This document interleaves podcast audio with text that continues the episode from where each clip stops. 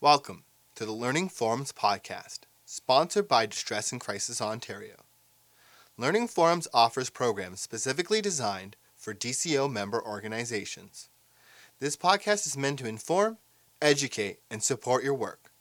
Enjoy the program, and we welcome your comments and feedback at learningforums.ca slash contact with the subject podcast.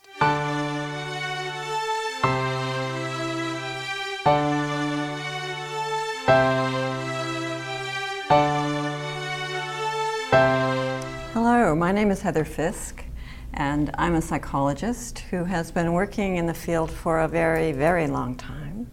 I've worked in many different aspects of suicide prevention as a clinician in my practice in hospitals and schools and community centers, and also working in various suicide prevention groups with which you folks are probably familiar. Um, and these days I have a very small practice and um, I enjoy doing some teaching, mostly playing with my grandchildren. I'm here today to talk to you about communicating with youth who are experiencing depression and suicidality. And that's a tough thing. For many of us, communication with youth can be a challenge at any time. And when you're thinking about communicating with someone um, whose world and worldview I certainly don't assume I understand.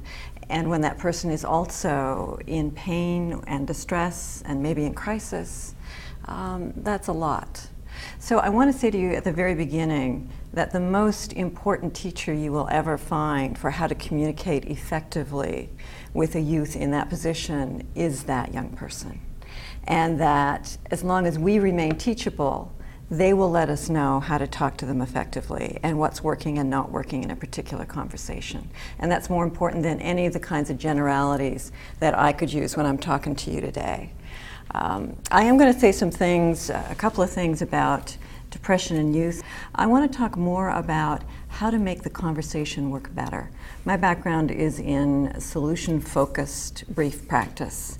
And there are a lot of things I could say about that way of working, but I think at its foundation, it really is a set of tools that offer us some ways of conversing better, of having conversations with other people in almost any kind of situation, certainly in helping conversations, that are more likely to go well and be smooth and get us someplace. Um, in terms of depression in youth, uh, one of the things that the World Health Organization uh, published a few years ago that surprised me very much, shouldn't have, but it did, is that the person on the face of this planet most likely to experience a major depression is a 15 year old girl. Um, that surprised me. I didn't want to believe it. I know that depression in youth, in children, in adolescents has been um, becoming more and more and more of an evident issue. Um, and more, uh, much bigger in public awareness, which I think is a good thing. But I don't really want to think that young people can go through that. Uh, and I need to be reminded that, in fact, they can. And that those kinds of desperate pain and trouble that we would like to think um, don't happen to young people happen to them every day. There are also certain features, I think, of depression which are not exclusive to youth, but which present some real communication barriers sometimes. But certainly for young people who are experiencing a lot of trouble, um, for example, the fact that one of the most common indicators of depression, especially but not only in males and certainly in young males, is irritability, uh, volatility, just not liking things, being negative, being nasty, pushing people away, uh, snapping and snarling. And it's far too easy, I think, for us to confuse that. And here's where I think our particular biases and prejudices can really get in our way, especially perhaps with a young male. Uh, and especially if that person is acting them out in ways that just look like bad behavior. I don't tend to look at a kid who's acting up in the community and think first, oh, you poor thing, you must be depressed. But a lot of those people are. And not just the young men, but uh, with them, I think we really needed to be reminded of that. Whole crowds of angry young men who really are hurting and in need of help. And uh, wanted to say that so that when you talk to them, you'll have that in mind. Um, those perceptions that we have about youth and about how to talk to them and about the worlds they live in, I think can really trip us up. Now, of course, the most difficult person for me to talk to effectively would be um, a psychologist who is uh, pretty senior, both in years and in time in the profession, who's originally from the East Coast and adores her grandchildren, can't stop talking about them, and uh, loves to read and scuba dive and has a dog and can't stop talking about that either. And in fact, someone who is a whole lot like me, almost exactly like me. And the risk there is that I might think that I know a lot about that woman and that I understand her and know how to talk to her. And that's a big risk because I'm making all kinds of assumptions based on certain common elements that may have nothing to do with who that woman really is and how I can most effectively talk to her. So I think, again, it's about being teachable, it's about asking people questions and waiting for their answers, and trying very hard to let go of those assumptions that get in our way all the time. Uh, I can never decide whether doing a lot of your work on the phone is a plus or a minus. I'm sure it's both. I have the greatest respect for people who work on the phones all the time. It's never been something that I have done consistently. I do it occasionally with my own clients when it's necessary. And I find it so difficult and exhausting. Uh, I think it takes a certain kind of very refined concentration. And every time I talk with people who do that kind of work, uh, I learn so much, you know, about what you can get just from a voice in the phone, how much information you really can collect, and how much you really can hear about who is at the other end of the line. Because that's the critical thing. Yeah, it's, it's not any of our protocols or any of the things we've been taught about the troubles people have and how we classify those and how we think about them. It's what that person can tell us about what matters to them. Um, so, I want to talk to you a little bit in terms of content first before I talk about the actual words we use and, and the kinds of questions that we ask people. Because I think that there are things that we can learn from some of the people who've been working in this field a long time that are very suggestive about what are some useful areas of content. Thomas Joiner is a psychologist who has worked in the field a long, long time. He's a practitioner and a researcher and the survivor of his own father's death by suicide, and a very committed, uh, very committed guy. And he says that there are three kinds of factors. You can take all the thousands of risk factors we know about and put them under three headings.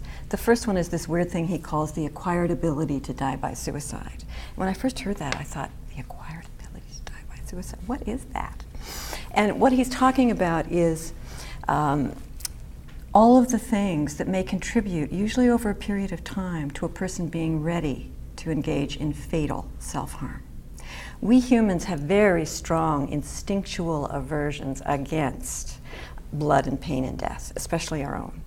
And it takes some things, some experience usually, some rehearsal, some desensitization to get us ready to overcome those.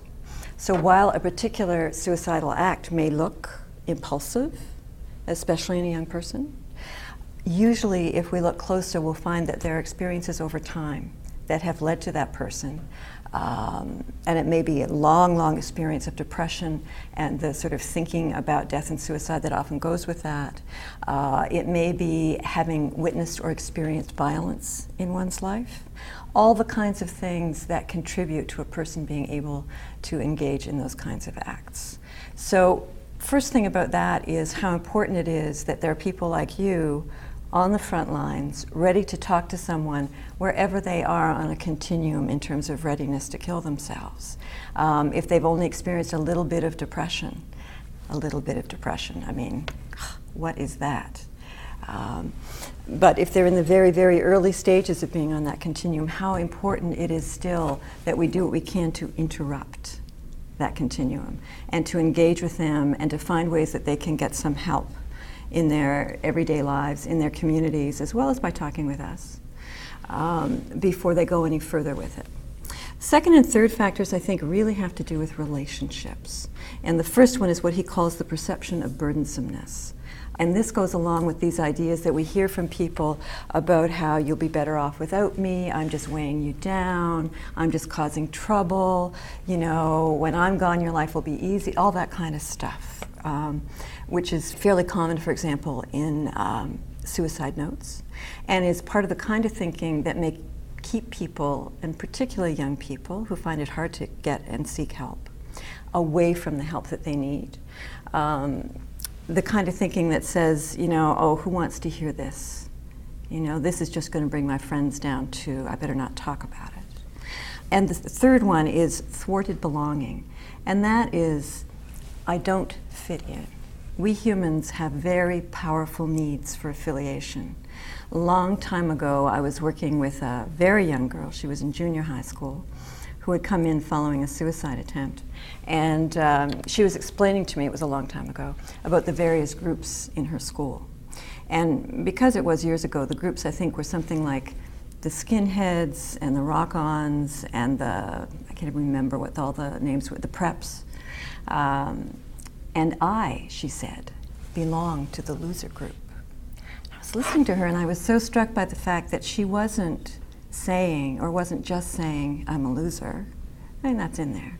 She was saying, I belong to a group. There is a place for me. When I go to the cafeteria at lunchtime, there's a table where I can sit and people will know my name.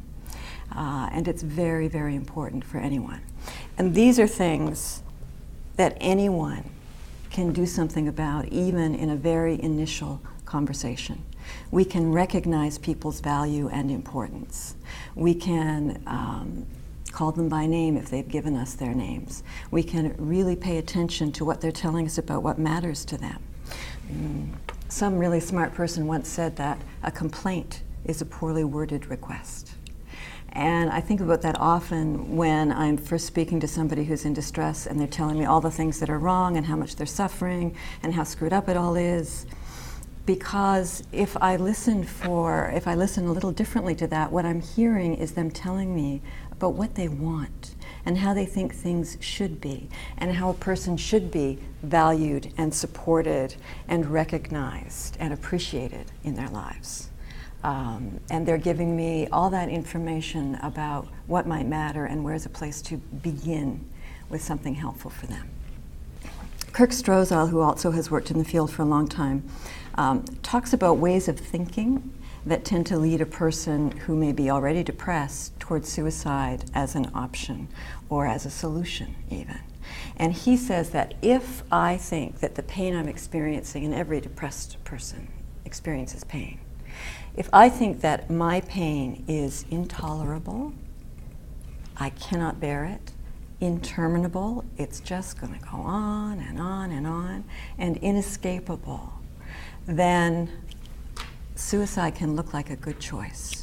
And what that means is that in my conversations with somebody who seems to be thinking that way, the more I can find some moments in their life that are a little more tolerable than others, or when the pain is not as present, or a little more manageable, or something makes a bit of a difference, even briefly, or um, where they're able to get away from it. Even it's because they're so engaged, for example, with somebody else's trouble and how to help them, which is not uncommon.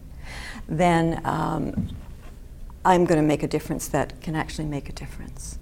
Or if there's anything that we can talk about that might suggest to them that there may be a limit to how long this is going to last and how much of my life is going to be taken up by it. Um, and I think that this is one issue that is particularly rough for youth because, um, for example, the most common trigger that young people tell us about if they come through an emergency room or to a crisis center um, with thoughts or plans or actions um, related to suicide is that my boyfriend or girlfriend dumped me.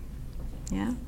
And as a card carrying grown up, I kind of have a reaction to that when I'm talking to a very young person who says, you know, my life is over because Johnny or Susie said that's it. And my reaction goes something like this What? What were you thinking? You're just a kid. There are other fish in the sea, puppy love, yada yada. I think this is a natural reaction for a grown up. I don't think it's a particularly helpful reaction. And I think I need to have it in my own head or with a colleague as opposed to um, playing it out right there for that young person. So, with that young person, what I want to do is focus on what matters to them and what are the things in their immediate life, in their network, that might help them to get somewhere. Ed Shneidman said there is a vast difference between intolerable and just barely tolerable after all. And those are the kinds of differences that we're looking for. Not to fix everything, there's always long lists. We can't do it all. We can get overwhelmed along with the caller if we try to do that. But to look for the small, real differences that could be possible, to find some of those, because those are the ones that will help a person keep going for another hour or another day. So, a useful focus then is is there anything that could connect this person to reasons for living, to possibility, um, to hope? Um, what are their resources, internal and external? In particular, what are their relationship resources? And when I talk about relationship resources, uh, I might ask people things like, who would argue with you about, you know, your life being hopeless, or about your idea that killing yourself is the only way for you to change things? Who would want you to live? And I don't particularly care if a person's relationship resource is old, young, human, four footed and furry, uh, real, fictional, imaginary, uh, a TV character, a celebrity. I don't care who it is. If there is something helpful that that person can offer, then I want to know about it and hear about it and hear what that person's arguments may be. Um, there are ways of asking people that I think are more useful than others, and one of those is relationship questions. I think relationship questions are useful with almost anyone, but with young people, especially with teenagers perhaps, I think they're gold. And by this I mean when a person can't come up with things, when you're saying what could be helpful right now, um, you know, is there someone that you would like to talk to or who could be with you? I don't know, I don't know, I don't know. Say, what would your best friend say? Yeah because that's something that young people are interested in, and it's there are no guarantees. I got no guarantees for you. But when someone is really struggling to find answers, it's remarkable how offering them the chance to take another person's perspective can uh, open things up. And young people are interested in their friends and what their friends think and what their friends would say. It often is something that can open up conversation. Also, try to ask how questions instead of why questions. None of us likes being asked why, why, why, why, why we're doing something or thinking a particular way. It tends to put us on the defensive. And, you know, that's even if we're not uh, 17 years old and talking to an adult who we might, we might see as an authority figure. You fellows probably already know almost all of the things I'm talking about. Just a matter of practicing and developing good habits that will allow our conversations, however brief, to go just that little bit more smoothly. Something that I try really hard to do, and sometimes I'm successful, is to leave the word but out of my conversations, at least on my side. Because if I'm saying the word but to you, then already it's a sort of adversarial conversation. I'm arguing with you. And I can say all the same things that I might like to say, starting with but, starting with and. And the flow of the conversation will be different. And the person at the other end of the line won't be having that reaction that we have when somebody butts us. Yeah? Uh, another thing that I think is really useful is to wonder with people. Because um, it, it's a way of bringing something into the conversation without turning it into advice or even suggestions right? Because many of us, if someone else thinks they've got the answer for us, are going to resist that, are going to come up with all of the possible reasons why that doesn't work for me, or that's a dumb idea, or you don't really understand, all those things. If I say, you should do this, or even if I say, uh, you might think about, or many of the ways we might try to introduce an idea or a solution for somebody's troubles. But if there's something that I think might be useful for a person, and I could say to them, I wonder if this might be a useful thing for you. What do you think? That's not a conversation ender. We can wonder together. We can have a conversation, even if it turns out that's not a good fit. They're going to tell me more then about what might be a better fit. Uh, so, something else is that all of the questions we ask have assumptions implicit within them. If I say to you, How did you decide that you were going to pick up the phone today and get some help? what am I assuming? What am I assuming about you? I think I'm assuming that you made a decision. Yeah? Uh, I don't think it's going too far to say that you are a person capable of making a decision and that you know when it might be time to do that, that you are able to get some help, that you are able to talk, yeah, that you're able to do all those things. And so if I say, How did you decide that today was a good time for you to pick up that phone and get some help? And you give me an answer, then you have accepted those assumptions and they are now part of our conversation, part of the foundation that we have to work with. That you have these resources of being capable of making a decision, of being capable of seeking help, of being capable of having a conversation that might make a difference in your life. Uh, and that's very, very useful. And it's a very gentle way, I think, of pointing out to people that they do have resources. So I wanted to end today by a quote from a great Canadian philosopher, Leonard Cohen. In his song Anthem, he says, There is a crack in everything. That's how the light gets in. Thank you.